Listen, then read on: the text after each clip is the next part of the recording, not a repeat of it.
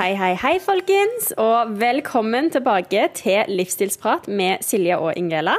Mitt navn er Silje, og jeg sitter som vanlig her med Ingela. Hallo! Hallo, hallo, Silje. Så godt å se deg igjen. I like måte. Ja, så da satt vi her, og vi er egentlig ganske rett på sak i dag. Og vi fikk gode tilbakemeldinger på, på det på forrige episode, så det er jeg veldig veldig fornøyd med. Jeg kan jo først si at uh, her så har ikke skjedd så veldig mye spennende siden sist. Annet enn at jeg elsker livet. Jeg, som jeg la ut på Story i går, det var faktisk mange som svarte på den sånn Å, det var så fin story! Der jeg sa sånn Vet du hva? Jeg er nyforelska!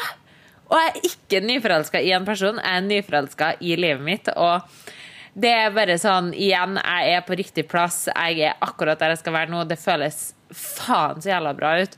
Og når du hører dette her, du som hører på, at uh, når jeg sier at jeg er nyforelska i livet, så tenk over sist Når var du sist nyforelska i livet?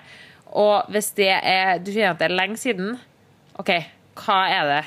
Hva er det som mangler, eller hva er det du savner, eller sånt. Fordi den følelsen som jeg har nå, den skulle jeg bare ønske at alle sammen kunne få kjent på. Eh, for det er helt fantastisk å kjenne at man elsker hver eneste dag man står opp fra den senga. Så veldig bra på min kant her, Silje. Fy søren. Mm. Jeg bare elsker når du sendte melding til meg og bare 'Silje, jeg må bare få ut bitte litt her. Jeg bare, jeg har så sommerfugler i magen. Jeg har det så fint, og det bare kjennes helt fantastisk ut.' Og det å få Altså, det er helt sjukt, men vi har jo snakket mye om at vi to er på en litt sånn roll om dagen. Der begge to har liksom sommerfugler, begge to kjenner at fy fader, livet er spennende å leve. Eh, og det er en helt fantastisk følelse, men samtidig så slo det meg at fy fader, hvor, altså, hvor sjeldent er det ikke at man egentlig hører folk si noe sånt? Og det er egentlig nesten litt sånn trist, fordi at du vil jo gjerne gå og være nyforelska hele tida. Men jeg vil si at jeg altfor sjeldent hører noen som har en sånn følelse rundt livet, en sånn følelse rundt det man på en måte gjør i hverdagen. Så ja, virkelig, tenk bitte litt over hvordan eh, kjennes livet om dagen. Er det noe mm. du kan gjøre for at det skal gi litt eh, sommerfugler i magen til deg òg? Eh, ja, nei, det er fantastisk, ja. altså. Veldig, veldig fint. Og mamma svarte faktisk på ene storyen min, eh, og så skrev eh, mamma skrev sånn Og du, den forelskelsen der, den ender aldri med kjærlighetssorg. Det kan jeg love deg. Å, så fint! Jeg vet det. Og det var, det var, en story der jeg hadde lagt ut bare en video av havet, liksom. For at jeg er forelska i havet òg, mm. da. Eh, så nei, det var skikkelig, ja. skikkelig fint. Så jeg bare sånn Fy faen, mamma, takk, liksom. Eh, det var skikkelig fint. Eh, men ja, Silje, hvordan har det vært eh, til deg siden sist? Hos meg så har det vært veldig bra. Jeg har jo hatt ei helg der jeg har tatt meg en skikkelig sånn timeout. Bare prøvd å lande litt i jeg skulle si mitt nye liv. Nei da. Eh, det her er iallfall første uka der jeg ikke har noen fysiske PT-timer satt opp i kalenderen min. Eh, I dag er det tirsdag, som har pleid å være min faste, ganske lange arbeidsdag med PT-timer back to back hele dagene. Eh, og i dag så sitter vi og spiller inn. Vi har jo flytta innspillingen vår fra mandag til tirsdag, nå som min timeplan er litt bedre organisert. Eh, så det kjennes eh, superbra ut. Jeg går rundt og liksom føler meg eh, nyforelska, spent, glad, litt, litt skummelt. Alt på en gang. Og jeg tror at det er akkurat det jeg skal føle nå. Du, det tror virkelig jeg òg. Og jeg syns Ja, jeg sier det igjen, jeg syns det er så fint å se den utviklinga du har. Eh, som på en måte Jeg vet hvor den kommer ifra, og jeg vet at på en måte det her er eh, Det her er ikke noe som har skjedd nå. Det her er resultat av hardt arbeid over tid. Og det å se deg på en måte nå steppe ut i det nye livet som du har skapt deg for deg å, oh, herregud. Det, jeg har ingen unger, men fy faen, det føles ut som at det er ungen min som tar sine første steg. Eh, det er helt fantastisk å se. Ja, nei, men gud. Eh, kjempefint å høre og kjempefint å se. Og altså Embrace it, altså. Embrace the new life that you have made. Om jeg skal. Så det her er bare første uka inn i ny hverdag, og so far, so good. Ja. Ja. Eh, ja. Så er vi eh, Har du lyst til å presentere ukas tema for oss, eh, Silje? Jeg har veldig lyst til å presentere ukas tema.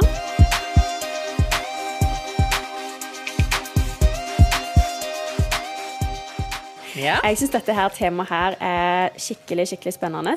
Ja. Um, og det vet jeg du òg gjør, så jeg tror at vi kommer til å være engasjert i dag òg. Som alltid. Som Men ukas tema det er altså våre beste tips for å bygge vane.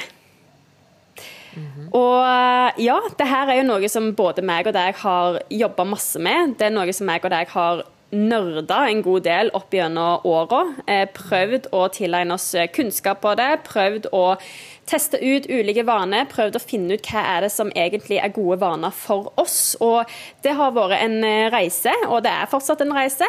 Mm. så i dag så skal vi rett og slett bare snakke litt om våre beste tips for å klare å bygge seg vaner som òg passer til deg og din hverdag og dine ønsker og dine mål og alt som kommer med. Veldig sant. Eh, og det er jo som du sier noe vi har nerda mye på, og jeg syns også det er veldig fint at du sier at Og det er ikke bare noe vi har gjort tidligere, men det er noe vi på en måte konstant gjør.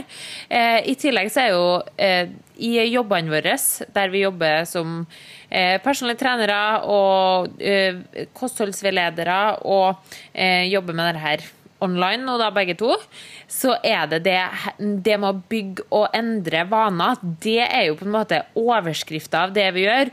Uansett hvilke mål kundene våre kommer til oss med, eller uansett på en måte hva som skal være resultatet av den coachinga, så er det én fellesnevner på alle caser.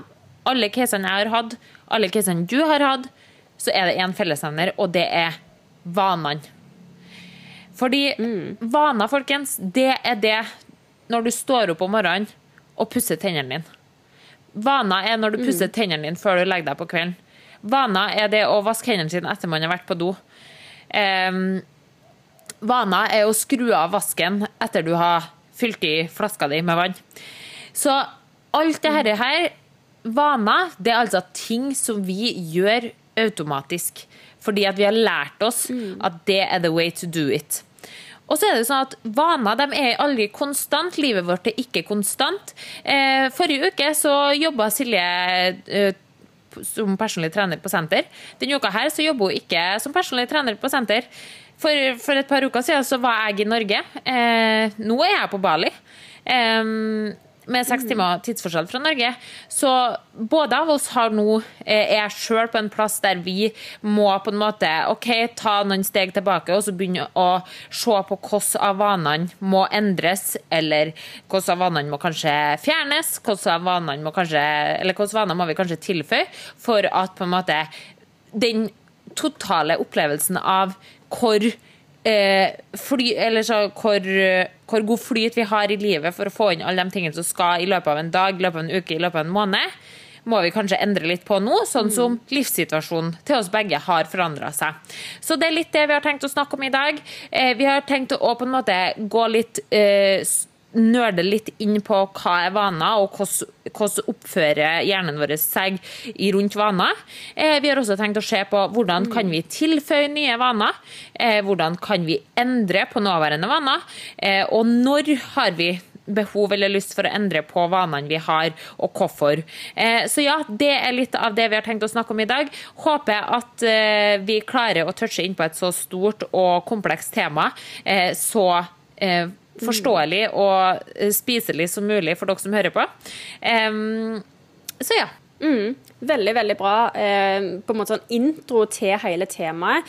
Og det at du nevner det at livet ikke er konstant, og det vil hele tida være endringer i livet som òg krever at man faktisk tilpasser eh, våre vaner og de tingene vi gjør i løpet av en dag i forhold til hvordan livet òg utvikler seg. For det er veldig mange som kanskje kan tenke på at de vanene vi har inne, de skal være ganske konstante, og at man ofte kan nesten føle at man feiler hvis man ikke klarer å beholde de samme vanene hvis hverdagen vår endrer seg. Men der tror jeg også at det er veldig viktig å trekke fram at det trenger ikke være at man på en måte har feila i å beholde vaner, men kanskje heller endre fokus til at OK, hvis hverdagen din endrer seg, så kan det godt være at vanene dine òg må endre seg i takt med hvordan hverdagen din blir og utvikler seg. Og der tror jeg virkelig at alt handler om å spille seg sjøl god.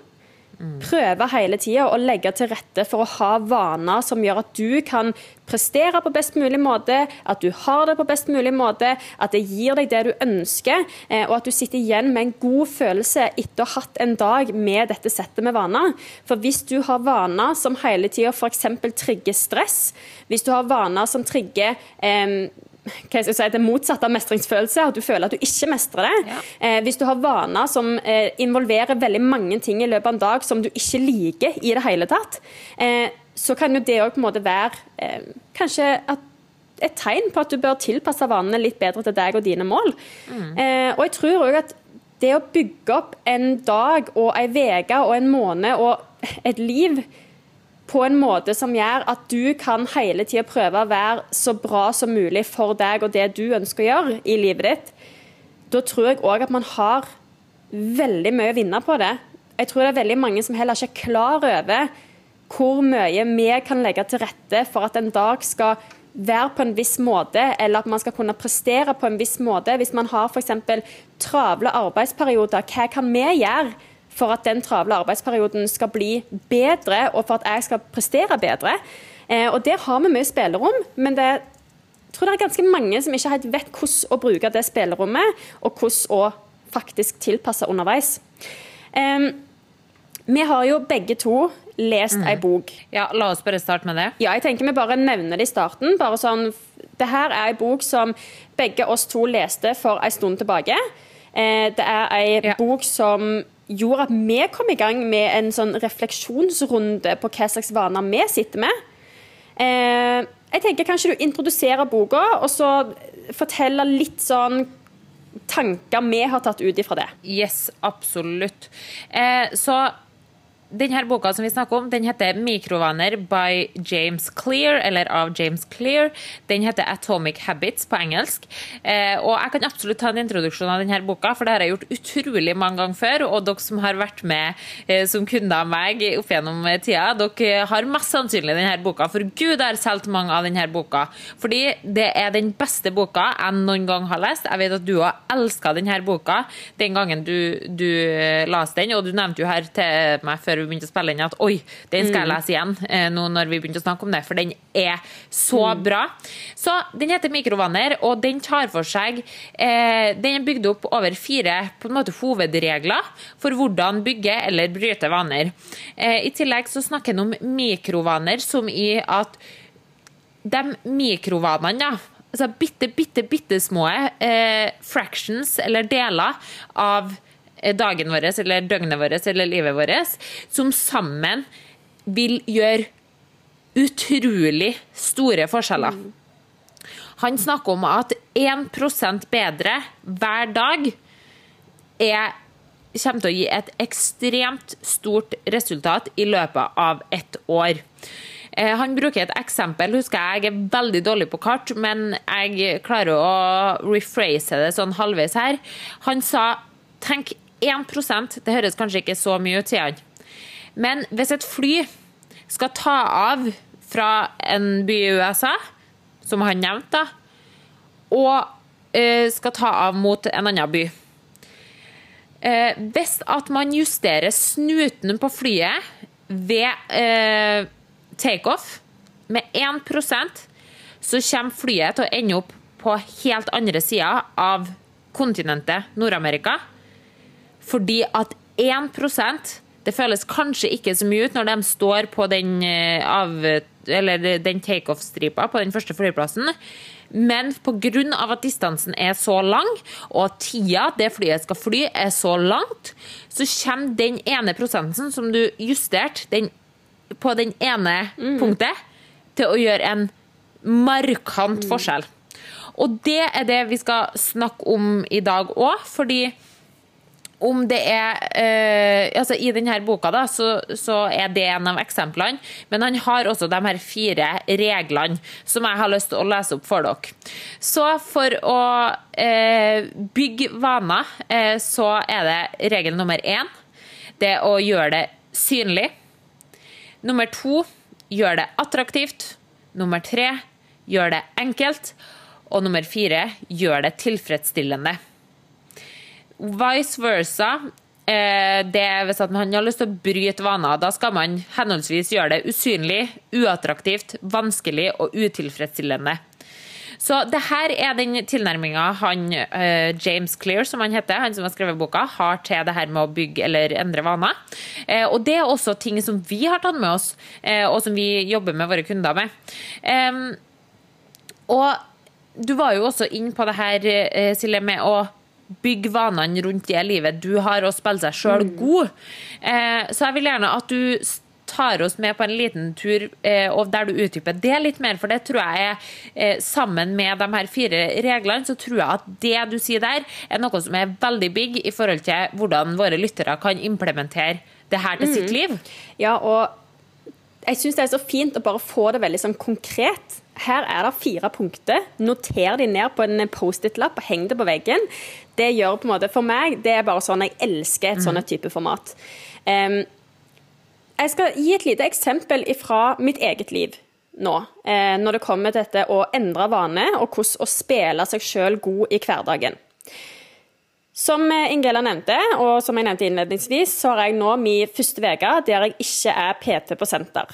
Og tidligere så har jeg måttet legge opp min hverdag veldig eh, tilpassa når jeg har PT-timer, og hvordan min arbeidshverdag ser ut. Nå så ser arbeidsdagen min ganske annerledes ut. Eh, og jeg har mulighet til å legge til rette min arbeidshverdag og resten av min hverdag eh, for å kunne spille meg sjøl så god som mulig i hverdagen. Av de, altså et av de tiltakene som jeg har gjort eh, den siste perioden Jeg begynte med dette nå, det er vel en liten måned siden. Og det er å begynne å trene tidlig på morgenen. Jeg har prøvd ganske mye forskjellig. Jeg har vært en kveldstrener der jeg trente siste time før stengetid. Jeg har vært en midt på dagen-trener. Eh, typisk har hatt PT-timer fra morgenen av, pause midt på dagen og så PT-timer resten av dagen. Nå så er jeg oppe klokka sju hver dag. Jeg er på trening en gang mellom halv åtte og åtte. Eh, og starter min arbeidshverdag klokka ti. Det som jeg har merka For det første, jeg må bare si, jeg er ikke et A-menneske. Jeg har aldri vært et A-menneske, men jeg har alltid hatt utrolig lyst å være et A-menneske. Og det er noe som jeg kanskje har hvila litt i òg, at jeg kan si at jeg er ikke et A-menneske. Og Derfor har jeg kanskje prøvd å liksom tenkt ja, ja, men da er det ikke meint at jeg skal være oppe og trene tidlig på morgenen osv. Og, så og har jeg nesten brukt det liksom en unnskyldning for at jeg har syntes det har vært slitsomt å få en sånn type vane. Jeg bestemte meg for at OK, nå skal jeg gi det et reelt forsøk. Jeg eh, setter vekkerklokka på sju. Og så er det bare å holde ut. Eh, og nå har jeg holdt ut. Nå er jeg inne på min fjerde uke. Eh, jeg har holdt ut. Jeg har hatt alle mine treninger tidlig på dagen. Og det som jeg legger merke til, det er ja, det er vanskelig i starten. Men det blir enklere og enklere jo lenger du holder ut. For det er klart at det tar tid å danne en vane. Man kan ikke forvente at jeg skal dra på eh, trening tidlig på morgenen to dager, og så skal det plutselig være eh, den nye vanen min når jeg resten av mitt liv ikke har gjort det. Så det å på en måte holde ut, det har liksom vært min sånn viktigste ting i dette. Det er bare gjør det uansett hvor slitsomt det er, uansett hvor mye du har lyst til å slumre klokka når den ringer. Go do it. Jeg hadde en story på Instagram i dag der jeg faktisk tok meg selv og reflektere litt over hva endringer dette har gjort for meg i min hverdag. Eh, og det er mange. Både at jeg har mye mer energi når jeg setter meg ned foran PC-en og skal starte min arbeidshverdag. Tidligere så kunne jeg veldig godt kjenne på at jeg var utrolig ueffektiv de første to timene av arbeidsdagen min. Eh, rett og slett fordi at jeg kom rett fra senga, jeg har hjemmekontor, jeg eh, daffer rundt i ei joggebukse. Jeg klarer ikke å komme inn i det mindsettet som jeg ønsker å være når jeg jobber. og Derfor så ble det to ganske ueffektive timer på starten av dagen.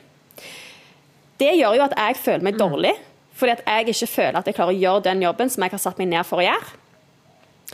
Eh, det er en helt annen ting nå. Jeg har masse energi. Med en gang jeg setter meg ned foran PC-en, så er jeg på. Jeg jobber effektivt fra første minutt jeg setter meg ned. Jeg har en tydelig plan på hva jeg skal gjøre. Jeg har starta dagen med mestringsfølelse. Ikke bare for at jeg har prestert på trening, men fordi at jeg har kommet meg ut av senga klokka sju. Og det gir meg en kjempemestringsfølelse. Jeg får endorfiner fra trening.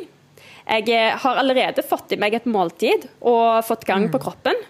Eh, jeg har allerede drukket masse vann på trening. alle disse følelsene, det overskuddet jeg sitter igjen med resten av dagen, gjør at jeg har en helt annen flow for dagen, og jeg føler jeg setter stemninga for dagen i det øyeblikket jeg klarer å komme meg ut av senga klokka sju. For det er en så stor gevinst for meg, fordi at det har kjentes så umulig ut for meg veldig lenge. Og det å klare å finne vane, sånn som nå, da. I starten så kjentes det kjempevanskelig ut, men nå har jeg funnet en vane som spiller meg god i hverdagen. Ikke bare for å gjennomføre treninga mi bra, mm. ikke bare starte i dagen med mestringsfølelse, men arbeidsdagen min er mye bedre, jeg er mye mer effektiv. Og når jeg er ferdig på jobb for dagen, så har jeg faktisk tid til å sette meg ned i sofaen eller lage en god middag og puste med magen og slappe av litt. Og det er jo noe som jeg òg har kjent på at jeg ikke har lagt inn i min arbeidshverdag eller min hverdag generelt tidligere. Og det har jo vært noe som jeg har ytra ganske høyt at det, altså det, trenger jeg. Så jeg tror at det å på en måte ta seg et lite sånn pust i bakken, reflektere litt over hvordan er det dagen min ser ut nå, hva slags faktorer er det som er ganske avgjørende i din eh, hverdag, f.eks. om man har unger så er man relativt låst på når man skal hente i barnehage, rutinene som blir etter barnehagetid eller skoletid. Finn de faktorene som er på en måte relativt vanskelige å på en måte endre på. La de sette en struktur i hverdagen, og spill deg sjøl god i det spillerommet som du har. Det tror jeg er liksom en sånn skikkelig viktig ting mm. å ta med seg, uansett hvordan dagen ser ut. Ja, jeg syns eh, det er så fint eh, gjennomgått, det her med deg og hvordan du har blitt en morgentrener nå. Eh, og jeg vet hvor mye det her betyr for deg, og man kan kanskje tenke at ja, men det er jo ikke så big deal. Jo, det er det. For Silje så har det vært en big deal, og har vært der at å, fuck, jeg skulle bare ønske at jeg hadde klart. Fordi ja, det lå ikke latent for deg, men du har bestemt deg for at men sånn vil jeg ha det. Og du ser liksom eh, altså Logistikk er jo et eh, nøkkelord her òg. Eh, med at hvordan logistikken skal gå opp. Eh, det kan jo også nevnes her at du har en samboer som jobber dagtid. Mm. Hadde ikke du gjort det på det viset, hadde du sovet ut to timer lenger, eller at du måtte, eh, om så du hadde stått opp samme tid, men at som du sa, at de to første timene på arbeidsdagen din eh, hadde blitt ueffektiv, så hadde du faktisk måttet jobbe kanskje en, en og en halv, to timer lengre på ettermiddagen. Noe som kanskje hadde vært den en og en halv, to timene som dere kunne ha brukt sammen som par, for å kanskje gjort noe, en aktivitet sammen, eller faktisk fått noe tid sammen, mm. eller eh, om dere hadde om, om, han hadde på en måte ferie på trening i den tida, og at du hadde hatt egen tid. Og det er jo noe man trenger i løpet av ei mm. uke. Eh, så det er skikkelig, skikkelig fint eh, å se på den der eh, hvordan dere, eller du har funnet ut at det her funker best for deg, eller kan funke best for deg, og at du sto i den tøffe perioden der det ennå ikke hadde blitt en god mm. vane. Eh, og det er jo sånn, man må stå i de tøffe takene. Eh, det, nå har jeg lyst til å dra den jævlig langt. Og det er jo at eh, hvis man har et, uh, et forhold til rus, da, uh, som man gjerne skulle ha tenkt seg å blitt kvitt, så vet vi jo at OK, men det kommer til å være helt jævlig mm. i starten. Så klart kommer det til å være helt kjempejævlig, for kroppen har så lyst på det. Kroppen er vant til å få det, og det er skikkelig skikkelig utfordrende. men altså alle sammen som har kommet seg ut av et eh, avhengighetsforhold, da, for å si det sånn, uansett hva det skal være av, så uansett hvor tungt det var, så er det sinnssykt når man kommer seg ut på den andre mm. sida. Og får det liksom til. Så det er en, det er en grov sammenligning. Men, eh, men, jeg tror alle sammen har hørt om noen som har sagt sånn Å, jeg har abstinenser etter mm. whatever. Eh, så det er tøft i starten, men, men det er veldig eh, stor gevinst. Da. Og for deg så har du jo allerede begynt å kjenne på det, og det er jo ikke noe lenge siden du starta med det, men du kjenner liksom allerede nå at det er noe. Og så tror jeg også det at det å starte dagen med seg selv mm. er noe. Ja, og så tror jeg òg at det som på en måte har vært viktig for meg for at det i det hele tatt skal være mulig, er jo at jeg har òg måttet tilpasse mm. andre deler av min hverdag, f.eks. leggetid. Jeg er beinhard når det kommer til leggetid. fordi at jeg vet at hvis jeg ikke legger meg innen den og den tida, så kommer jeg ikke til å klare å stå opp klokka syv neste dag og dra på trening. Måltid. Jeg vet at hvis det tar altfor lang tid fra altså mitt siste måltid dagen før til jeg skal trene dagen etterpå på morgenen, da har ikke jeg veldig mye futt på trening. Derfor må jeg òg tilpasse måltidene mine. Sånn at jeg kanskje, ok, Da har jeg kanskje kveldsmat. En litt sånn enkel kveldsmat før jeg legger meg. Sånn at jeg vet at ok, jeg har litt energi å gå på, så da trenger jeg ikke spise sånn voldsomt mye før trening for å kunne ha litt mer futt i kroppen. Hva skjer da? Jo, da sparer jeg inn tid på morgenen. For da trenger jeg ikke lage meg en voldsom frokost og la den komme ned i magen før jeg skal da på trening. Så alle disse små tinga spiller meg bedre i hverdagen, gjør at det er mulig for meg å få inn de vanene som jeg ønsker. Men det krever at man er villig til å gå på badet og gjøre seg klar for å legge seg klokka ti. Det krever at man er villig til å legge inn den ekstra lille Ja, kveldsmaten på, på, på kvelden før du legger deg.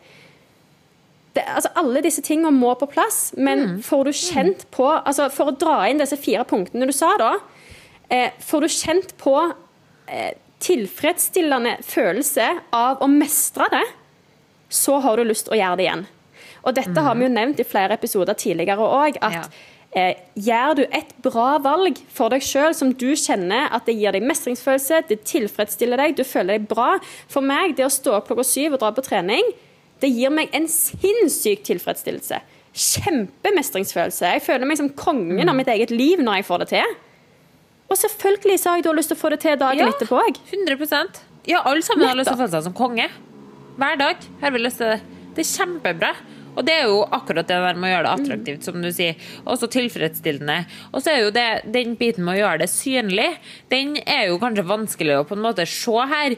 Men her, om det, til deg så er det ikke synlig, for du klarer ikke å sette på en måte treningssenteret inn i opp på nattbordet, liksom. Det er ikke sånn at du Å ja, der er jo treningssenteret når du våkner. Men det er liksom det å gjøre det så synlig for deg sjøl. Og det, blant annet, et eksempel på at du gjør, eller at det her er synlig, det er jo at du snakker høyt om det. Det at du sier de tingene, at du reflekterer inni hodet ditt.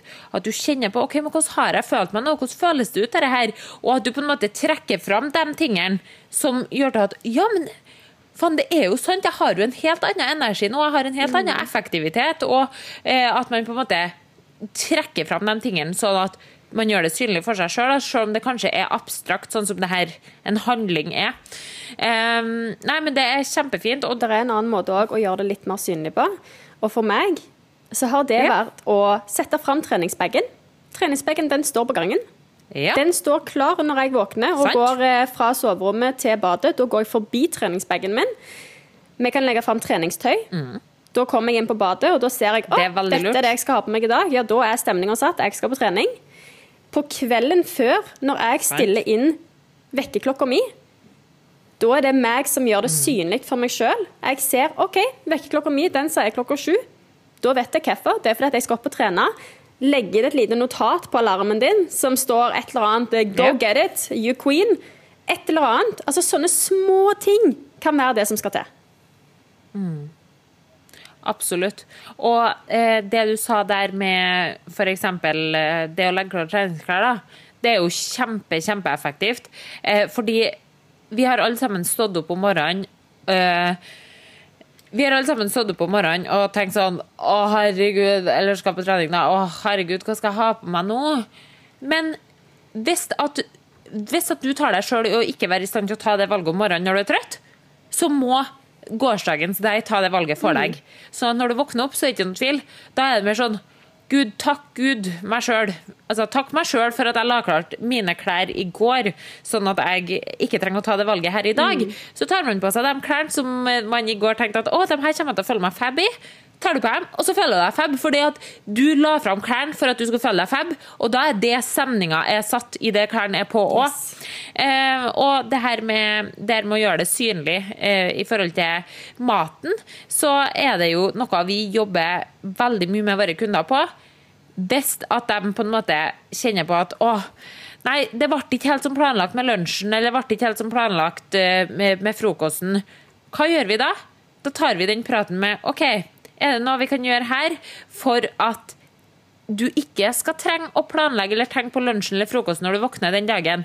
Ja, det er én ting å gjøre, og det er å tenke på det dagen før. Så det er i hvert fall noe eh, som jeg ser når jeg fokuserer på det med dem som på en måte kjenner at der er det en en sånn kode som ikke er helt knekt ennå, og jobbe inn den vanen med å faktisk preppe klart frokost og eller lunsj til dagen etter.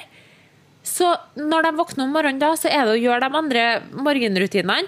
Det er å ta ut matboksen av kjøleskapet, putte den i sekken eller veska på tur til jobb og skole.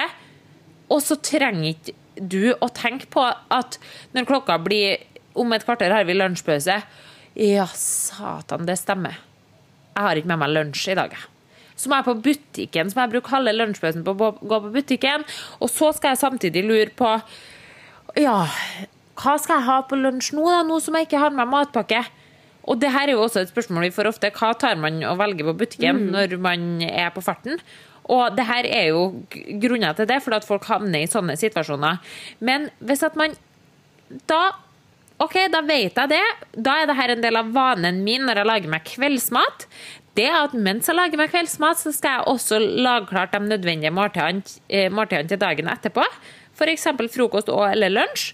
Så blir det en del av vanen med å lage kveldsmat. Og her tar jeg oss med inn på et nytt begrep eh, fra denne boka.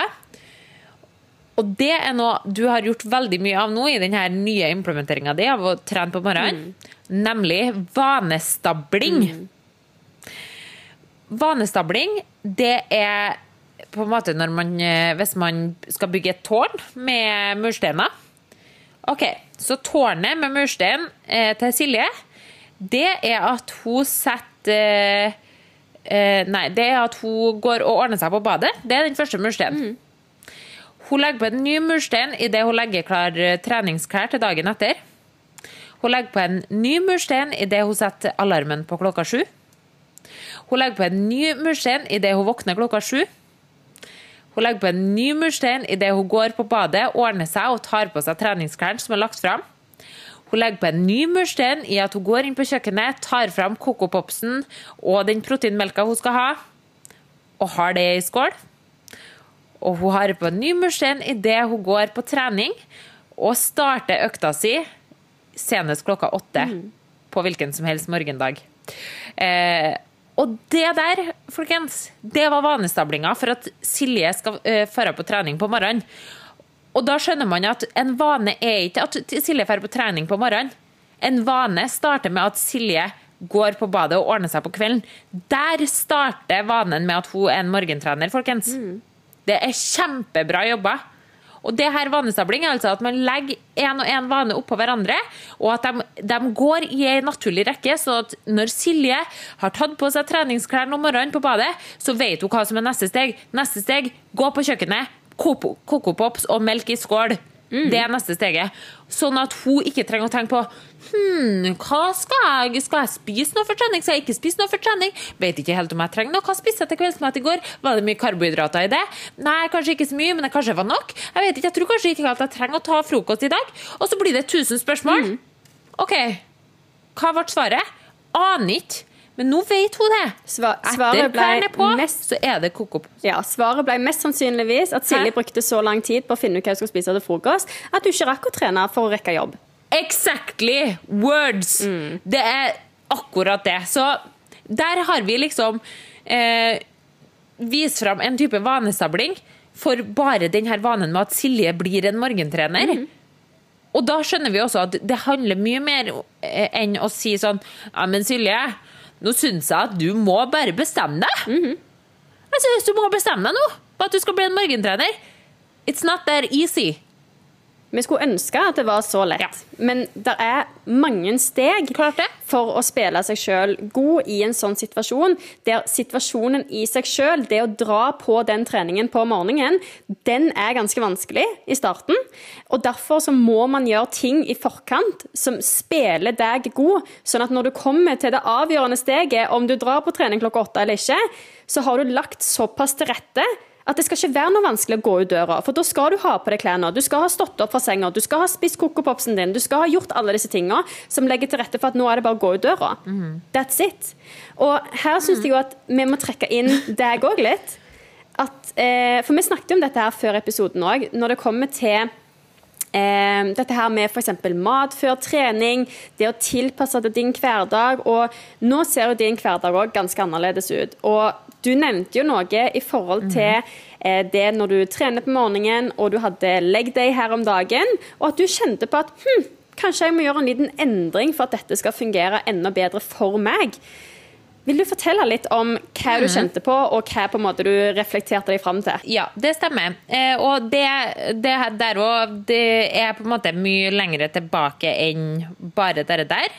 Eh, fordi nå når jeg er på Bali, så er det litt sånn praktisk informasjon. Jeg er seks timer foran Norge nå fram til dere snur klokka i desember. Så seks timer der jeg er våken før andre folk er våken. Eller i hvert fall fem eller fire. For jeg står ikke opp klokka seks. Eh, men det som er Nå skal jeg få ta dere med på en liten sånn logistikktur. da. Eh, når jeg flytter fra, eller drar fra Europa til Bali. Eh, Dette er tredje året jeg gjør det. Og det her er, nå sitter jeg med enda mer kunnskap og enda mer sånn forståelse for hvordan jeg bør legge opp det her best mulig for meg sjøl, for at det her skal bli best mulig for meg sjøl. Um, så blant annet så er det jo sånn at eh, her så går klokka ned klokka seks på kveld. Eller kvart over seks nå, da. Sol- så en gang mellom seks og sju. Ja, hva sa jeg? Så, så går, så går klokka ned. Å, ja. ja. Sola går ned klokka mellom seks og sju gjennom hele året. Og nå går den ned ca. kvart over seks. da. Eh, ok, Så det er en faktor jeg må ta høyde for. En annen faktor jeg må ta høyde for, det er at jeg er seks timer foran Norge.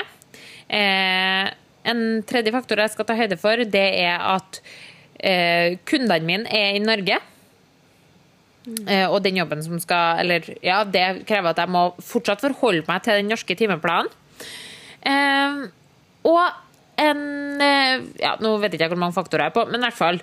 Det jeg har funnet ut, at for meg så passer det definitivt best å starte dagen for meg sjøl, altså å gjøre mine ting som ikke har noe med jobb å gjøre, og så jobbe på ettermiddagen.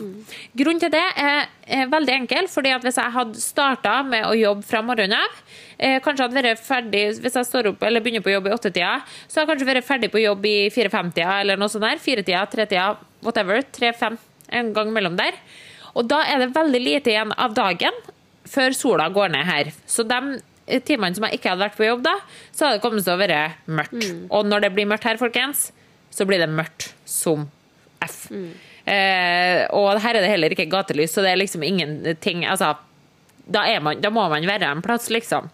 Eh, så når jeg da eh, skal velge det, så, ja, så har jeg liksom funnet ut av den.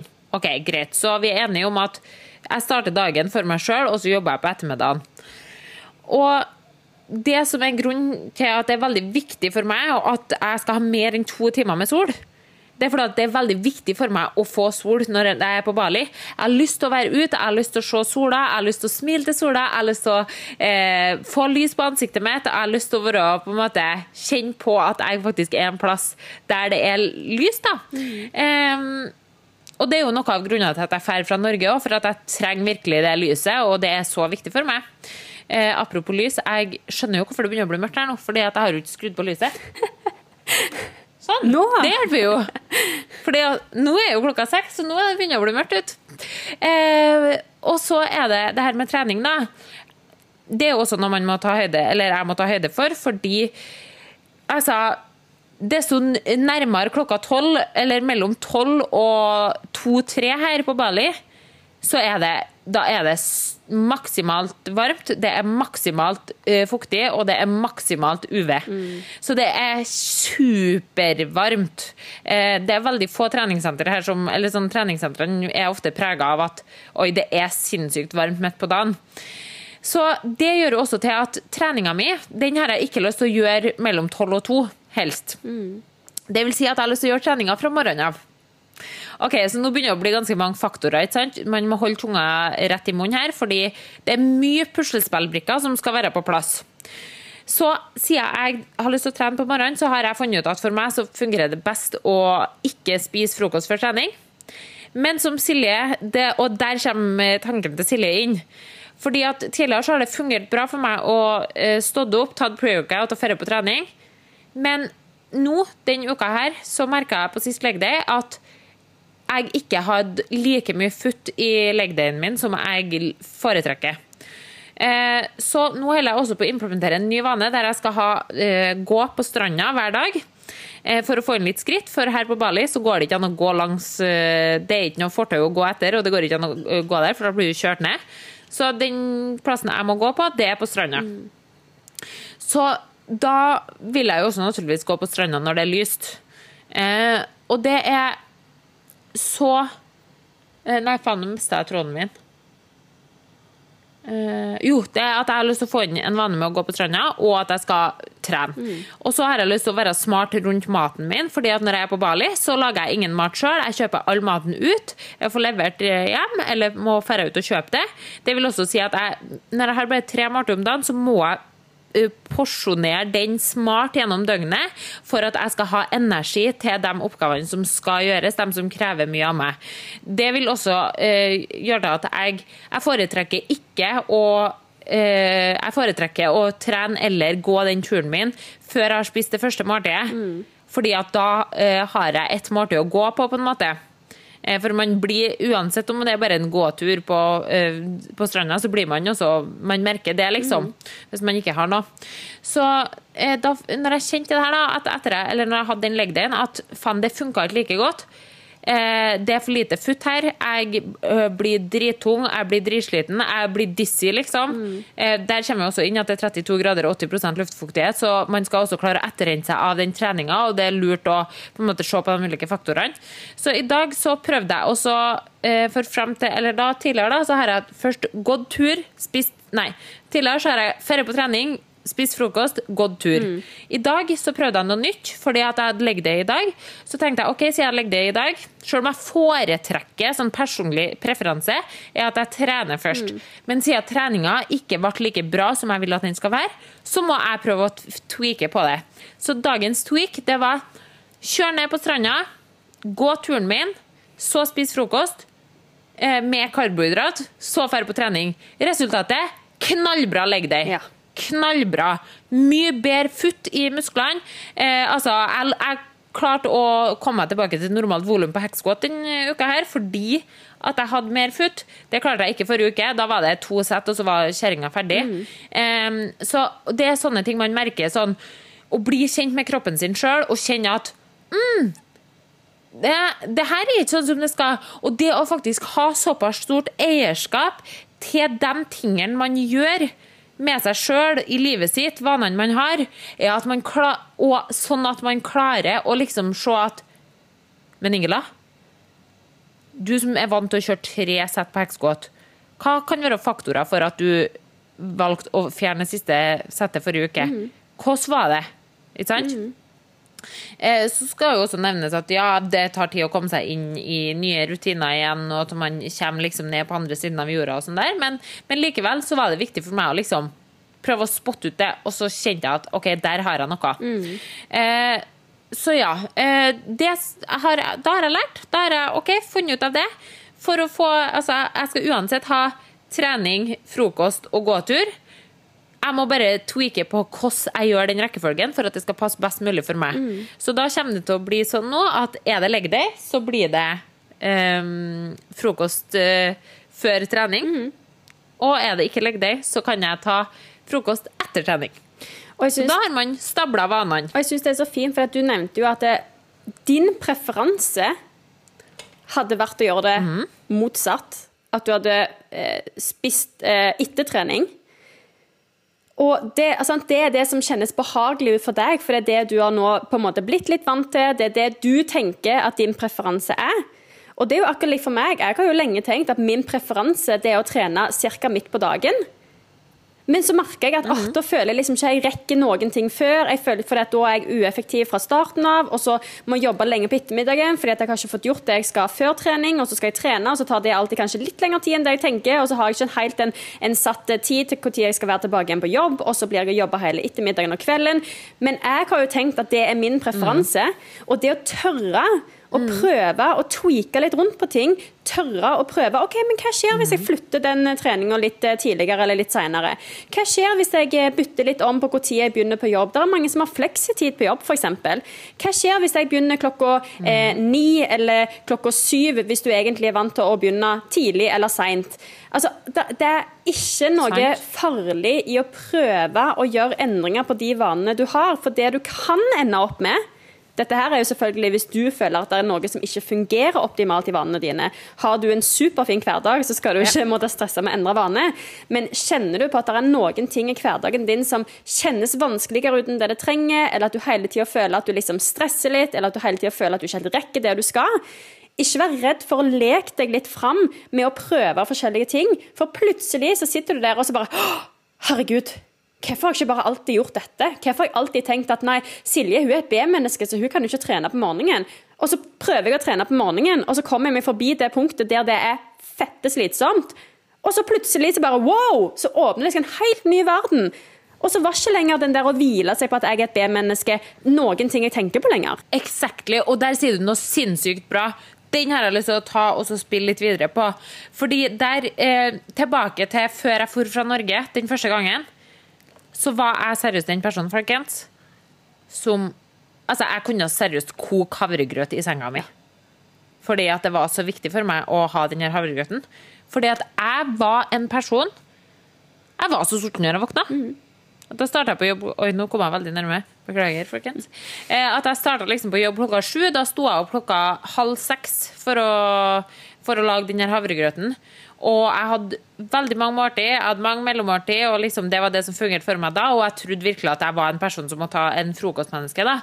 Men som jeg har fortalt nå, når jeg flytta, um, og at jeg begynner å kjøpe alle måltidene ut, så skjønner man at man kan ikke ha frokost, lunsj, middag, kveldsmat og to-tre mellommåltid i løpet av en dag. For hadde det skjedd, så har jeg kommet til å gått opp uhorvelig mange kilo som jeg ikke hadde ville ha gått opp.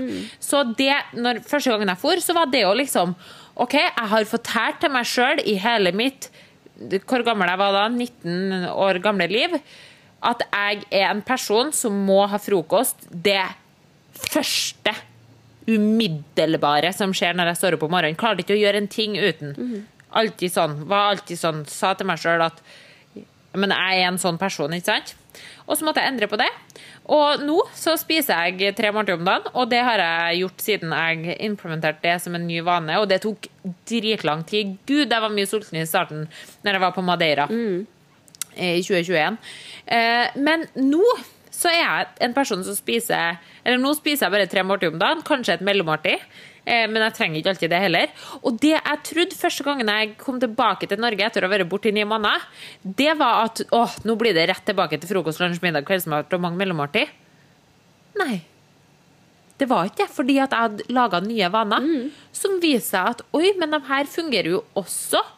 Det ikke, og det er heller ikke sånn at det er bare ett sett med vaner som fungerer, men at jeg hadde liksom da vent meg til det å spise litt større, men eh, litt færre måltid, og at jeg ikke lenger i hermetegn er den personen som må ha frokost med en gang jeg våkner. Nå er jeg gjerne våken i to-tre timer før jeg spiser frokost, og det er ingen problem for meg.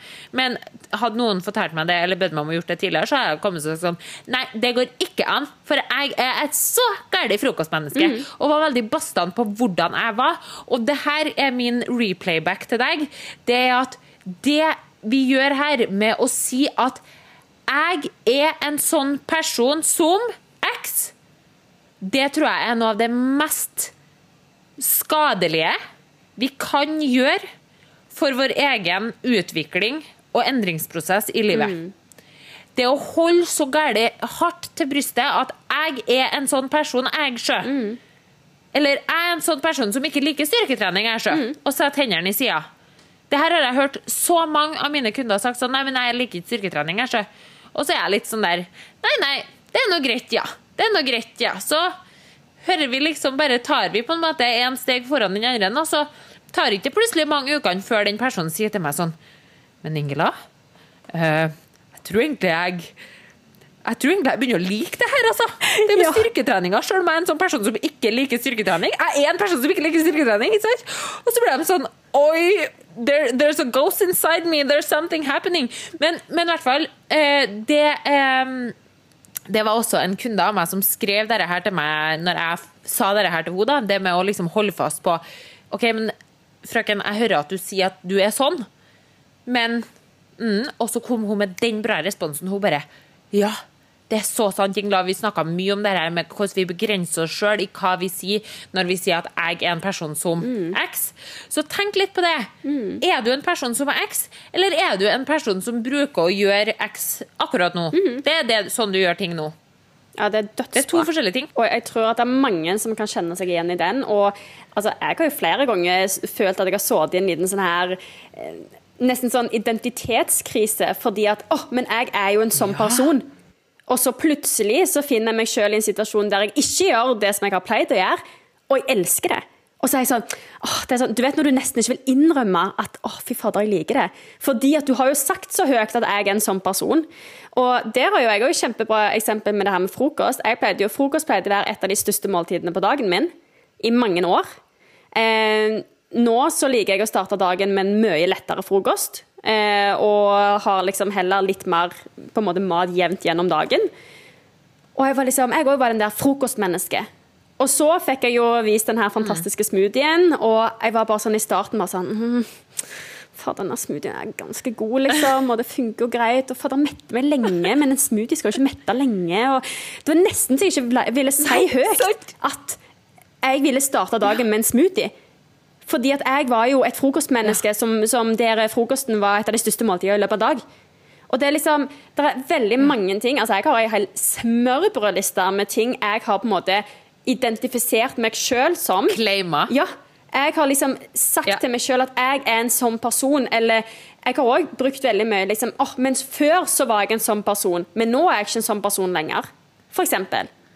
Og at jeg liksom finner liksom en trygghet i det, eller en litt sånn unnskyldning kanskje i noen situasjoner på det. Men det å bare liksom fjerne Ja. den der Ikke sett deg sjøl i en boks. For akkurat som at livet er dynamisk, så er du dynamisk. Vi utvikler oss hele tida, og det er helt fantastisk. Og det må vi tillate oss sjøl å gjøre. Men altså, jeg har ikke, hvis jeg hadde slutta å utvikle meg, det er jo min, mitt verste mareritt. Det er hvis jeg plutselig kjenner at nå blir jeg bremsa fra å utvikle meg. Hvis jeg kjenner at det er noen som helst faktorer som plutselig skal begynne å begrense meg i hva jeg kan få til, så får jeg helt Mm. panikk. Og det er jo noe som jeg tenker at det, det, det er jeg veldig stolt over, at jeg hele tida har lyst til å utvikle meg. Men det, er, det kan være kjempeskummelt. Ja, ja. Men det å, å komme til det punktet der man slutter å begrense seg sjøl, slutter å sette seg sjøl i en boks og gjør seg sjøl åpen for forandringer, det tror jeg er kjempeviktig, og jeg tror at det kan være en veldig befriende følelse for veldig mange.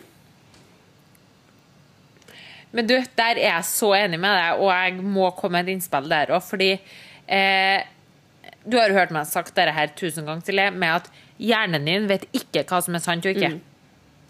Så når du forteller, hvis du forteller hjernen din at 'jeg blir ikke mett av smoothie til frokost', jeg kommer ikke til å bli mett av denne smoothien til frokost, så er hjernen din sånn Nei, men så blir ikke vi mett av denne smoothien til frokost, da. Og det er akkurat det som skjer. Og det med å liksom eh, vite den Altså Know your power. Ja. Med mindset, altså, folkens. Vit at uansett hva du forteller deg, så er det det hjernen din tror på. Det er kjempeviktig, og det kan være et superviktig verktøy i så mange situasjoner. Altså, Silje, kom du deg gjennom eksamen fordi at du sa til deg sjøl Eller nei, jeg mener masteren din. Kom du deg gjennom masteren din for at du sa til deg sjøl Vet du hva? Denne masteren det går ikke an. Jeg kommer aldri til å få det til. Nei, Det er egentlig bare å gi opp. Jeg kan jo ta og levere inn et dokument, men det er egentlig bare å, å vite at saken, eh, saken er tapt. Ja, nei, altså Var det det du sa til deg sjøl? Da tror jeg ikke det hadde blitt min mastergrad på meg. Og det var veldig mange dager jeg hadde lyst til å si det, til meg sjøl. Jeg hadde veldig mange dager der jeg hadde lyst til å for eksempel, En ting som jeg har ofte sagt til meg sjøl Dette er et kjempefint eksempel. jeg, jeg er en veldig praktisk person.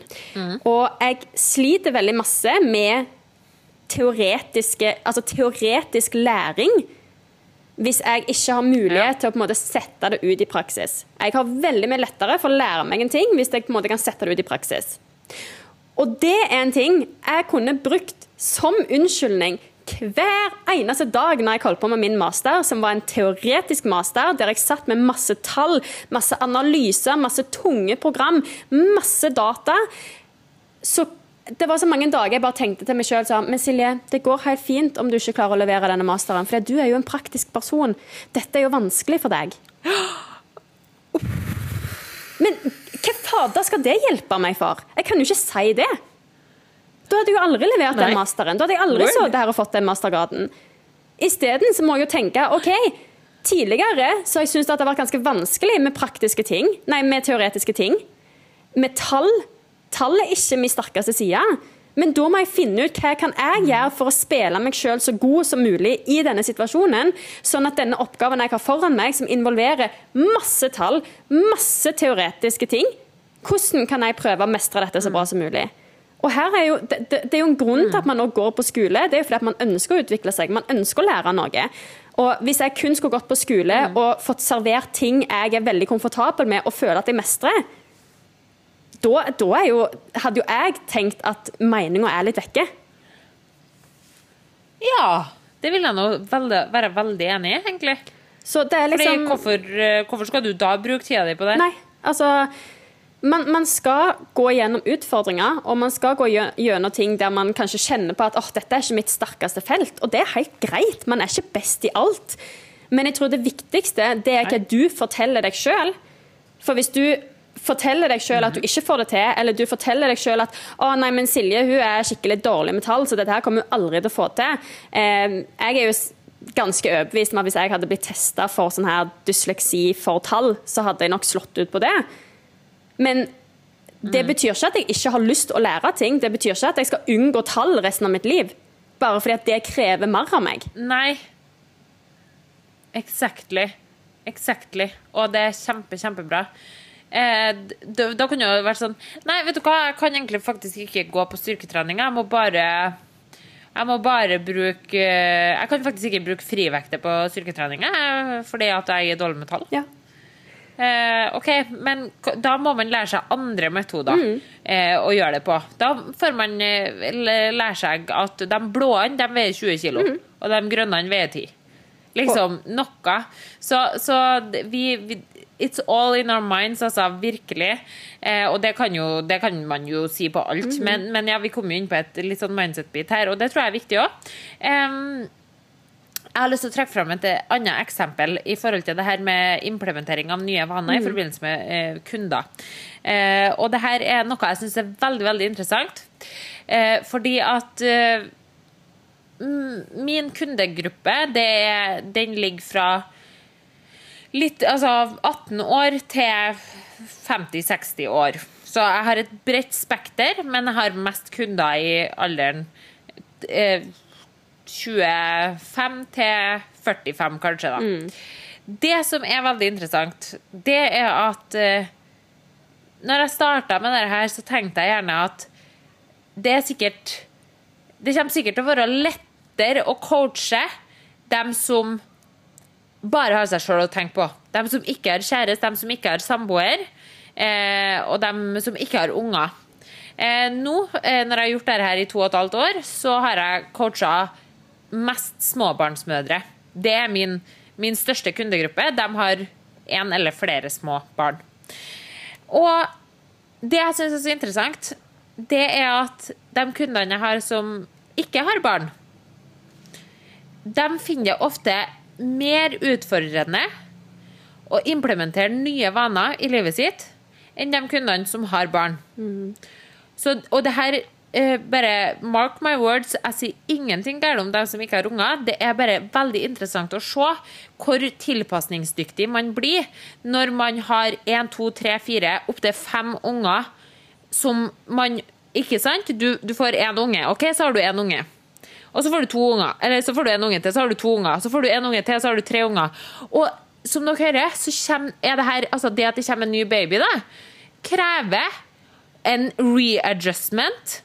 Eller en rekalibrering av hvordan vi legger opp dagene våre, hvordan vi snakker sammen, jeg og du som samboer f.eks., hvordan logistikken skal gå opp hjem.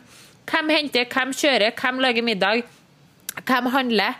Alle de her tingene. Og så ser jeg det at de som da har én eller flere barn, de har måttet eh, tatt en rekalibrering av sine egne vaner en eller flere ganger. gjennom det her livsløpet. Mer enn dem som ikke har eh, unger ennå, de som bare har hatt seg sjøl å tenke på. De har kanskje ikke måttet rekalibrert så veldig mange ganger. Så de er bruker ofte lengre tid på å implementere de nye vanene. For det er kanskje første gangen man implementerer en ny vane. Og da krever det mer. Og det er også viktig å ta med seg, folkens. Selv om nå Silje hun brukte hun brukte én måned for å bli en, på en, bli en morgentrener, da, bare for å bruke det som eksempel. Ja, og La meg Men altså, bare, altså, la meg bare skyte inn at jeg jobber ganske hardt med det ennå. Jeg er veldig forberedt på at dette kommer til å være ja. jobb over tid. Det viktigste, det som jeg sa til deg før denne episoden her, det viktigste for meg, det er bare sånn der hold ut. For alt du gjør, Mm, hold ut. Det er det viktigste. Ja. ja, ikke sant. Så, hun, eh, så langt har det gått én måned. Hun er en ganske god flyt nå, men som hun sier, du må fortsatt, du må fortsatt jobbe. sant? Men la oss kalle det for en måned. da. Si, si at ok, Silje brukte én måned på å komme dit at hun føler at ok, jeg har det i en god flyt nå, men jeg må fortsatt konsentrere meg godt for å holde det her ved like. da. Og for at det skal sitte enda bedre. Men hvis du som hører på nå også har lyst til å bli en morgentrener, så må jo ikke du bite deg sjøl opp eller sammenligne deg med Silje sin tilnærming til å bli en morgentrener. Fordi Silje har en annen, Silje har en annen historie. Silje har gjort dette her så mange ganger som hun har gjort det. På samme måte som at min kunde som har fem barn, hun har rekalibrert sine helhetlige vaner over sitt liv utrolig mange ganger. Vi alle sammen vet at blir man gravid, eller kommer det en unge til, eller kommer det en unge, så blir plutselig livet snudd på hodet, ikke sant? Og det har gjort hun veldig, eller nå sier jeg hun som i en entall, men gjort denne fembarnsmammaen veldig, veldig rusta på, og rutte på å implementere nye vaner og uh, nye sånn detaljer som skal inn. Men en person som aldri har rekalibrert sine vaner, kommer til å bruke lengre tid. Så her er deg mot deg. Ikke tenk at ja, men nå har jeg brukt så lang tid på å gjøre den endringa, eller nå har jeg brukt så, så lang tid på å gå ned de kiloene, eller nå har jeg brukt så lang tid på å bli en morgentrener.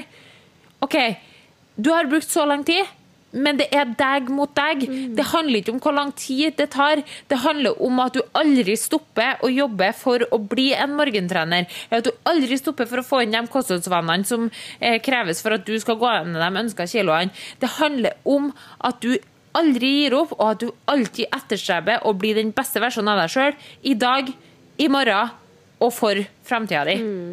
Ja, det er så viktig. Og jeg tenker jeg kan skyte inn en liten ting på det òg. For jeg har akkurat samme erfaring som deg. At de som har unger Man, man tenker ofte at de som har unger Altså, man hører ofte at å, men du er jo Ja, singel, ja, du er ung, det er jo lett for deg å gjøre en endring som dette, bla, bla, bla. bla, bla. Men erfaringene viser jo at singel, ung, eh, ikke gjort så mange endringer fra før av, ofte syns at det er vanskeligere å gjøre en endring enn sånn som du nevner, da, f.eks. en mamma med én, to, tre, fem unger.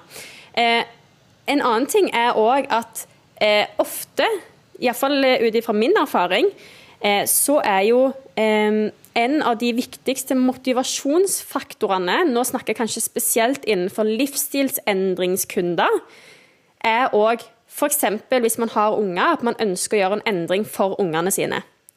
Man ønsker å kunne være f.eks. en mamma som eh, klarer å være med og leke på lekeplassen med ungene sine, som klarer å henge tett med ungene når de begynner å springe rundt i huset, eh, når eh, hverdagen har et voldsomt tempo, man skal farte fra A til B til C, man skal klare all logistikken skal, som skal bli gjort. Og let me just say, all cred til alle de som har unger eller unge i entall, for det er en voldsom logistikk som skal inn.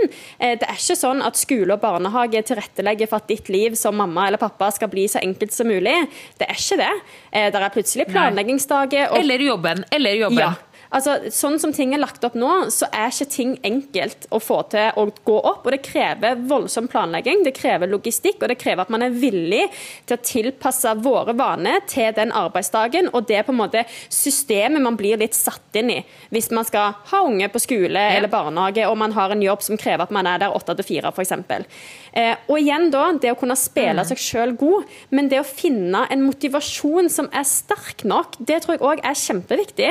Og det er klart at for en mamma eksempel, så kan være en motivasjonsfaktor er akkurat dette med barna. At barn har et høyt tempo, man vil henge med, man vil ha overskudd i hverdagen. Eh, men om du ikke har unger, så betyr ikke det at det skal være mindre viktig for deg å spille deg sjøl god i hverdagen. Det betyr ikke at det skal være mindre motivasjon rundt dine egne mål. Du må bare reflektere over deg sjøl, og hvorfor er det sånn at jeg ønsker å gjøre denne endringen. For meg, mine motivasjonsfaktorer til å gjøre denne endringen, det var for det første Jeg har lyst til å få inn øktene mine som jeg har lyst til å ha hver uke. Jeg har ikke lyst til at det skal være sånn at hver eneste dag så skal jeg stresse, og helt på slutten av dagen så skal jeg liksom tenke at nå skal jeg dra på trening, men da er jeg kjempesliten etter masse jobb. Jeg vil kunne være effektiv på arbeidsdagen min, sånn at jeg ikke trenger å sitte foran PC-en og jobbe 11 timer om dagen. Jeg vil kunne tilpasse arbeidstida mi, sånn at jeg har en samboer òg jeg kan se eh, iblant uten at man bare sitter foran PC-en og jobber. Jeg vil være der for kundene mine og gjøre en god jobb, sånn at de blir møtt der som de skal bli møtt i sin reise. Alle disse her tingene her er motivasjonsfaktorer for meg til å gjøre den endringen.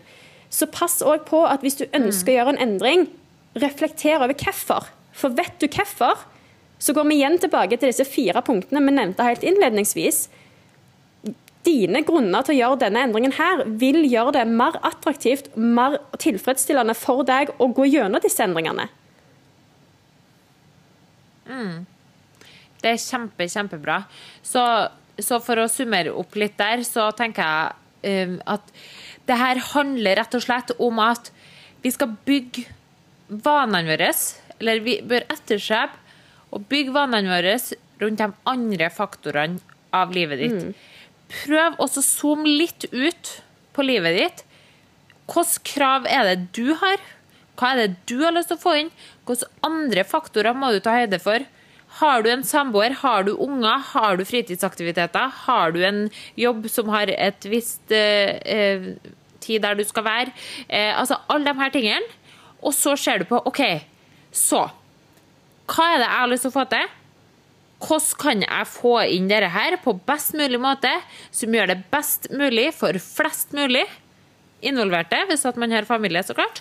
Um, og så prøve å lage denne vanestablinga, de her mursteinene, mm. så best som mulig ut ifra det.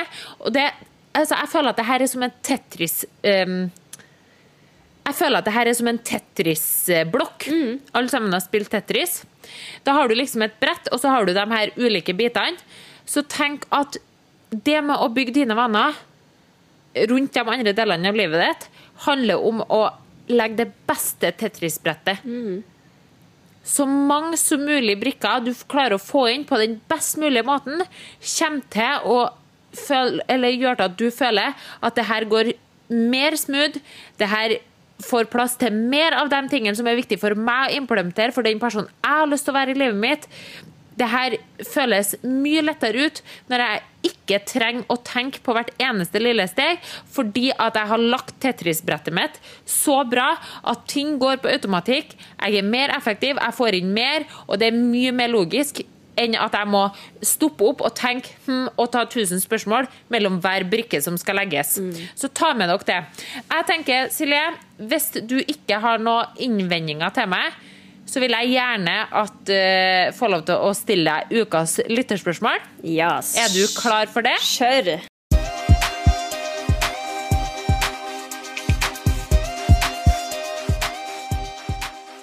Så, ukas lytterspørsmål, Silje. Hva er deres tre beste tips for å endre vaner? Jeg tenkte, når jeg så den her eh, som har kommet inn til oss, så tenkte jeg sånn OK, det her, det her er jo egentlig episoden vår. Men så sa du sånn ja, men det her er egentlig veldig passende, for da får vi faktisk summert opp litt mm. av det vi mest sannsynlig kommer til å snakke litt om. Så Silje, hva er våre tre beste tips for å endre vaner? Mm. OK. Nummer én ikke endre for mye på en gang. Start med små ting. Sett ett bein foran det andre. Få inn en vane før du begynner med neste endring av vane. Så ikke endre for mye på en gang. Gjør det lett for deg sjøl å gjøre den nye vanen. Altså spill deg sjøl god. Legg til rette, legg fram treningsklærne, legg fram treningsbagen. Alle disse små tingene vi har nevnt i episoden. Og hold ut mm. den tida som kreves for at det faktisk kan bli en vane. Og det er så viktig. Mm. Og det har skjedd når du ikke lenger må tenke at du skal gjøre det. På lik linje, Jeg er sikkert ikke alene, og vi har gått på badet, gjort meg klar for senga, så legger jeg meg i senga, og så er det sånn Fader, husker jeg å pusse tennene eller ikke? Og så går jeg inn og så kjenner jeg på tannbørsten, så er Ikke tannbørsten våt. Så jo, jeg pusser tennene. For jeg har gjort det uten at jeg har tenkt. Det bare skjer. sant? Jeg går jo ikke og legger meg uten at jeg har pusset tennene. Sånn er det bare. Og akkurat Nei. den For det er en vane. Nettopp. Da er det en vane. Du skal ikke måtte spørre deg sjøl skal jeg trene i dag, eller skal jeg ikke trene i dag. Du skal gått ut av den døra, og så skal du tenke ja, nå er jeg på vei til trening. Det er det som skal skje. Ja. Så den dagen du på en måte ikke må bruke masse tid på å tenke deg fram, da begynner ting å bli en vane. Og kom til det punktet. Ikke gi opp før du har kommet til et punkt der det faktisk har blitt en vane. Det er kjempeviktig. Kjempebra. Det var Ja, den der tok du veldig straight. Tre sykt bra punkt. Eh, og jeg syns at det summerte faktisk opp veldig godt det vi har snakka om i episoden. da. Em, så ja, kjempebra. Og jeg syns det var superfint det første punktet du nevnte med å ikke endre for mye på en gang. For det jeg er helt sikker på at det er mange som skjønner hvor jeg skal hen når jeg sier har dere noen gang ferie på treningssenter første mandagen i januar og meldt dere inn for at dere skal plutselig gjøre en uh, helomvending på livet, og nå skal vi begynne å jobbe for sommerkroppen 2020X? Yes, nettopp. Hvorfor fikk du sommerkroppen 2020 det året? Eh, 2020X? Fordi at du starta med altfor mye, altfor fort, altfor lite restitusjon. Og så ble du sikkert skada, og siden det her er de fire fysioreglene til Silje. Ja. Men, men ja, det her, det her er liksom Det er litt det som skjer. At man tenker sånn Ja, nei, nå! Fra mandag av, eller fra første neste måned, eller fra 1. januar, eller etter sommeren, så tenker man liksom skal jeg, Da skal jeg gjøre alt, og jeg skal gjøre så mye av det, og jeg skal gjøre liksom maksimalt på alt, da. Det, det er liksom ikke om å snakke om å gjøre to treninger i uka hvis at du er vant til å trene null, men ofte så hører vi om folk som går ut med fem eller seks dager i uka på trening, kanskje sju òg. Og så gjør man det på alle ulike punktene, og så blir det utrolig mange nye venner på utrolig kort tid. Og så kommer man så vidt i gang på noen av dem, og kanskje ikke på alle engang. Og så stopper man før man har kommet dit der Silje nevnte at du skal faktisk klare å holde ut i den tida helt fram til at du tar deg sjøl i å lure på om Faen, var det egentlig sånn at jeg var på trening i dag? Ikke sant? Nei, det er superbra. Eh, jeg tenker jo at vi kjører Superbra. rett eh, videre på ukas oppgave, og den tenker jeg at du skal få lov til å kjøre på med.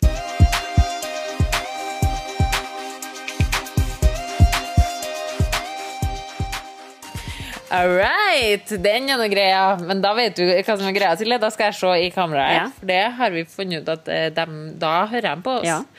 OK, folkens. Ukas oppgave. Kjøp mikrovaner.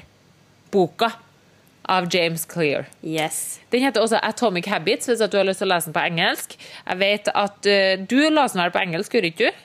Jo, stemmer. Ja, du, du leser den på engelsk, jeg leser den på norsk. Eh, gjør det du liker best, men det er seriøst ei sinnssykt bra bok, og du kan implementere den i alle delene av livet ditt. All, den er superlærerik, skikkelig mindset. Så ukas oppgave kjøp mikrovaner. Yes. All right. OK. Har du lyst til å, har du lyst til å utdype noe på det med boka? Jeg tenker der òg, hvis du ikke er vant til å lese bok, ikke tenk at du skal kjøpe den boka og lese hele boka ut på to dager. Kos deg med boka. Sett deg et mål om at du skal lese fem sider hver kveld før du legger deg, f.eks. Eh, og bruk litt tid når du leser den. Det er faktisk et tips jeg har. Ja. Ikke rush deg gjennom denne boka her. Bruk tid. Gjerne ha en markeringspenn der du markerer ting som du kjenner bare åh, den hitta hardt, denne her treffer meg. For en ting som jeg har lært med å bruke tid på å lese bøker, markere underveis når jeg leser, det at når jeg da plutselig har en periode der jeg kjenner på at jeg er demotivert, eller at jeg trenger en liten input, så har jeg da flere bøker som Jeg elsker jo mindset-bøker, så akkurat sånne bøker som det her, som på en måte lærer meg noe, og som utvikler meg. Da kan jeg bare slå opp i den, finne noe som jeg har eh, farga ut i boka, og så kan jeg bare ta f.eks. to-tre sånne den dagen, og så er kanskje det som skal til den dagen for at jeg bare skal kjenne åh, nå fikk jeg den lille piffen som jeg trengte. Så bruk boka Da mer blir du Da blir du satt litt tilbake i da blir du satt litt tilbake i den følelsen du fikk når du leste den boka, der den gitt deg kjempemye, så blir du liksom Ja. Ah, OK! Ja! Men det var her vi var! Ja. OK, da skjønner jeg. Da er jeg med igjen. Og det, Ja. det er en så god følelse. Kjempe- Eh, så, kjempebra. så gjør det. Bruk litt tid. Og om du klarer å lese to sider per dag, så er det kjempebra. Eh, om du leser to kapittel hver dag, så er det kjempebra. Gjør det som passer inn for deg. Men jeg anbefaler deg å lese denne boka, uansett om du bruker to dager eller to år på å lese den ut. Her må jeg faktisk eh, komme med et innspill, for som du vet, og som mange har fått med seg, så har jo jeg vært en leser før, og jeg skal gjerne si at jeg holder på å bli det igjen. Fordi jeg eh, kjøpte meg en Kindle, et lesebrett. Jeg skal legge ut et innlegg på Instagram om den her, og fortelle mer, så dere kan egentlig høre det der. Men i hvert fall, eh, når vi er på snakk om bok, så sånn som Silje sier, ta deg god tida og liksom nyt det. Og tenk kanskje at denne boka, hvis du har lyst til å bli en leser, tenk at denne boka skal være dine første steg, at det skal bli en vane å bli en leser. Og, så det er kjempebra. Det jeg vil si om meg sjøl i forhold til denne lesebrettet som jeg har kjøpt meg nå, det er at jeg eh, har veldig, veldig lyst til å bli en leser igjen. Så jeg har satt til jeg, her har jeg litt sånn tatt med meg litt av det Silje har uh, gjort med energidrikke tidligere. Laga meg noen regler med at jeg skal ikke jobbe eller scrolle mens jeg eh, spiser. Det er noe jeg har gjort veldig mye av, og det skjønner jeg ikke er bra for mitt eh, attention span og kvaliteten på eh, det arbeidet jeg gjør, eh, og den resten jeg får i hodet mitt.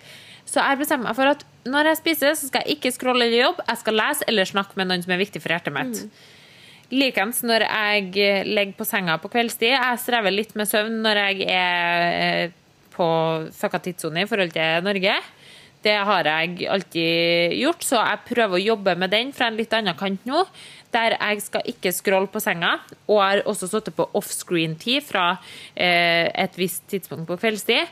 Så det eneste jeg får lov til å gjøre da, når offscreen-tida starter, det er å lese bok. Så jeg bygger inn min nyvinning av en bok- eller lesevane, heller jeg på å bygge inn rundt de andre tingene, igjen. Vanestabling igjen. Når jeg spiser, så leser jeg. Og når det er offscreen time, så skal jeg lese. Så jeg holder på med det samme sjøl, og jeg uh, håper at dere som faktisk tar ukas oppgave på alvor uh, og kjøper den boka, at dere gjør som Silje sier, og koser dere og prøver å liksom prøv implementere dette her på en sånn positiv måte. Ikke bare rush deg gjennom det, men prøv å være til stede med aktiv lesing. Bruk markeringstusj. Og virkelig, når du har lest ut den boka, så skal du faktisk kjenne at Oi, hvilken bok er neste nå? Fordi at man har lest ut ei bok og faktisk laga vaner rundt det. Ja. Um, mm, kjempebra innspill, eh, Silje. OK.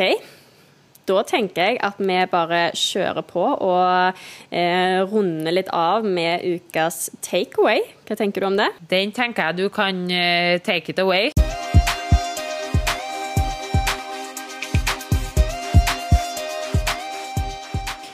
I will take it away. OK, så ukas takeaway er Spill smart med de korta du har utdelt på hånda. Og det her runder tilbake til å spille deg sjøl god i hverdagen, spille deg sjøl bra med de korta du har, og rett og slett legge til rette for at du får den hverdagen som du ønsker, og som gjør at du blir den beste av deg sjøl. Og som har plass til de tingene som du har lyst til at du skal ha plass til. Boom! Boom. Boom! Yes. Fy fader, vi har tatla i 1 time og 18 minutter her. Eh, vi som prøver å bli liksom litt mer effektive, droppe ned på introen og alt mulig. Eh, det kommer bare igjen i andre ende. Eh, så jeg tenker egentlig bare at eh, vi sier tusen takk til alle som har hatt oss på øra gjennom denne episoden. Eh, tusen takk for at dere følger med og har lyst til å høre på podkasten vår. Eh, hvis du ikke ennå gjør det, følg oss på Instagram på Livsstilsprat. Og følg oss òg gjerne på Spotify eller i podkast-appen der du hører på podkast. Eh, ja, er det noe mer å tilføye? Vi er tilbake neste fredag klokka 06.00 som alltid med en ny episode. Det er helt perfekt. det, Silje. Kjempefin outro. Og tusen hjertelig takk, folkens, igjen eh, for en kjempefin episode sammen, eller der dere har lytta på oss. Eh, vi setter pris på hver og en, og innboksen vår er alltid åpen eh, for dere. Så, så ikke vær redd for å sende den meldinga. Så ja, nei, jeg er enig. Jeg tenker vi sier det sånn. Tusen hjertelig takk, folkens. Vi snakkes neste uke. Ha det bra! Ha det bra!